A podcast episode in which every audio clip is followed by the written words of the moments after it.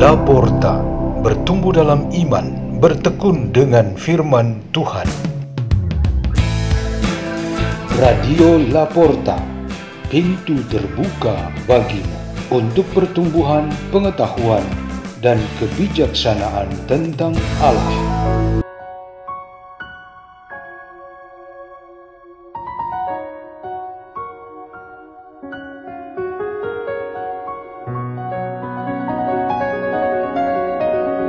Bacaan dan Renungan Sabda Tuhan Hari Senin Pekan ke-27 Masa Biasa 9 Oktober 2023 Dibawakan oleh Henry dan Pater Peter SDB dari komunitas Bukat Labuan Bajo, Kuskupan Ruteng, Indonesia.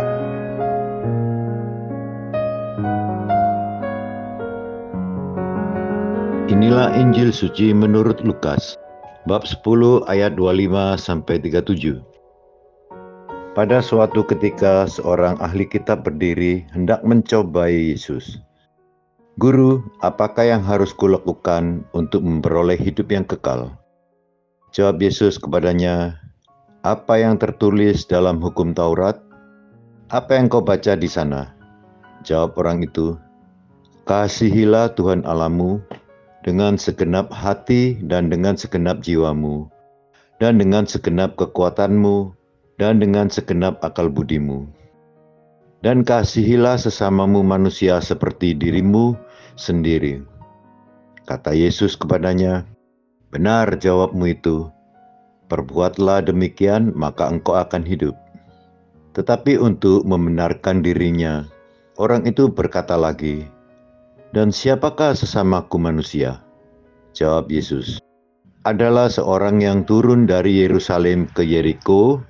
Ia jatuh ke tangan penyamun-penyamun yang bukan saja merampoknya habis-habisan, tetapi juga memukulnya, dan sesudah itu meninggalkannya setengah mati. Kebetulan ada seorang imam turun melalui jalan itu. Ia melihat orang itu tetapi ia melewatinya dari seberang jalan. Demikian juga seorang Lewi datang ke tempat itu. Ketika melihat orang itu, ia melewatinya dari seberang jalan. Lalu datanglah ke tempat itu seorang Samaria yang sedang dalam perjalanan ketika ia melihat orang itu, tergeraklah hatinya oleh belas kasihan. Ia pergi kepadanya, lalu membalut luka-lukanya Sesudah menyiraminya dengan minyak dan anggur, kemudian ia menaikkan orang itu ke atas keledai tunggangannya sendiri, lalu membawanya ke tempat penginapan dan merawatnya. Keesokan harinya ia menyerahkan dua dinar kepada pemilik penginapan itu. Katanya, rawatlah dia, dan jika kau belanjakan lebih dari ini, aku akan menggantinya waktu aku kembali. Menurut pendapatmu, siapakah di antara ketiga orang ini adalah sesama manusia dari orang yang jatuh ke tangan penyamun itu? Jawab orang itu, orang yang telah menunjukkan belas kasihan kepadanya. Yesus berkata kepadanya, "Pergilah dan perbuatlah demikian." Demikianlah sabda Tuhan.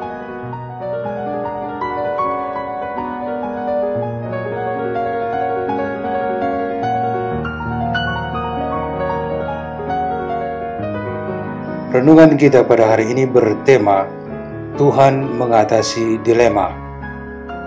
Jika Tuhan Allah itu pengasih dan penyayang, lalu mengapa ada begitu banyak derita dan kejahatan di dunia? Orang-orang yang imannya kecil bahkan tidak beriman dengan mudah menganggap percuma kalau Allah sebagai kasih. Apakah jawaban Tuhan atas dilema ini?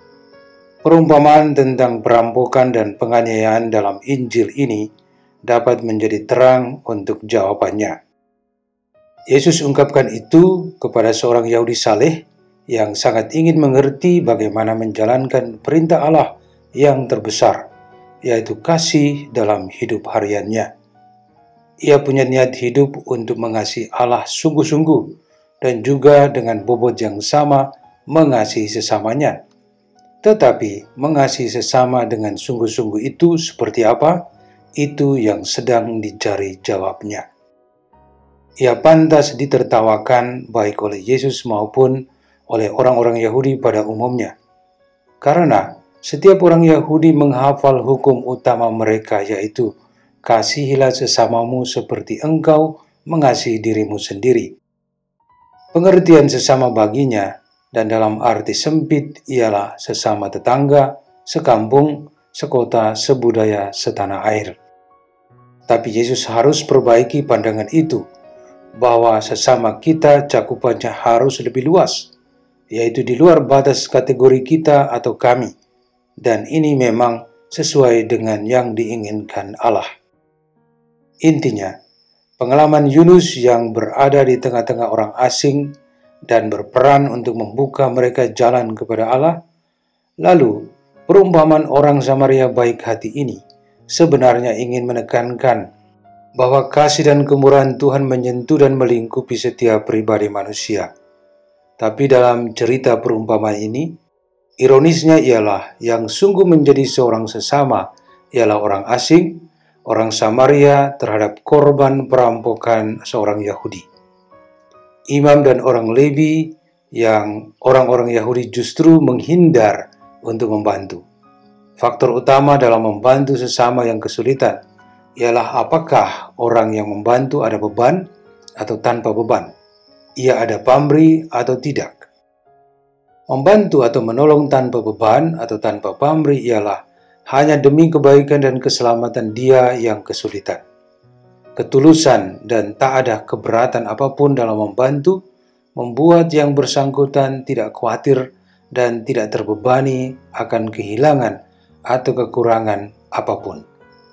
Bantu saja dan selesaikan persoalan atau kesulitan itu. Lain cerita, kalau pertolongan itu dilakukan disertai dengan keberatan, misalnya terkena kotor capek, harga diri atau nama baik tercemar, apa kata orang tentang bantuan itu, besarnya pengeluaran, imbalan, dan lain sebagainya. Faktor-faktor inilah yang membuat pertolongan kita menjadi tidak tulus atau ada pamrihnya. Marilah kita menjadi sesama yang tulus dan tanpa pamrih. Marilah kita berdoa dalam nama Bapa dan Putra dan Roh Kudus. Amin. Ya Yesus Kristus, ajaranmu mengarahkan kami untuk melihat kembali motivasi-motivasi kami dalam memberikan pertolongan kepada sesama kami. Terima kasih atas ajaran yang penuh kekuatan ini. Salam Maria penuh rahmat Tuhan sertamu, terpujilah engkau di antara wanita, dan terpujilah buah tubuhmu Yesus. Santa Maria Bunda Allah doakanlah kami yang berdosa ini, sekarang dan waktu kami mati. Amin. Dalam nama Bapa dan Putra dan Roh Kudus. Amin. Radio Laporta, pintu terbuka bagi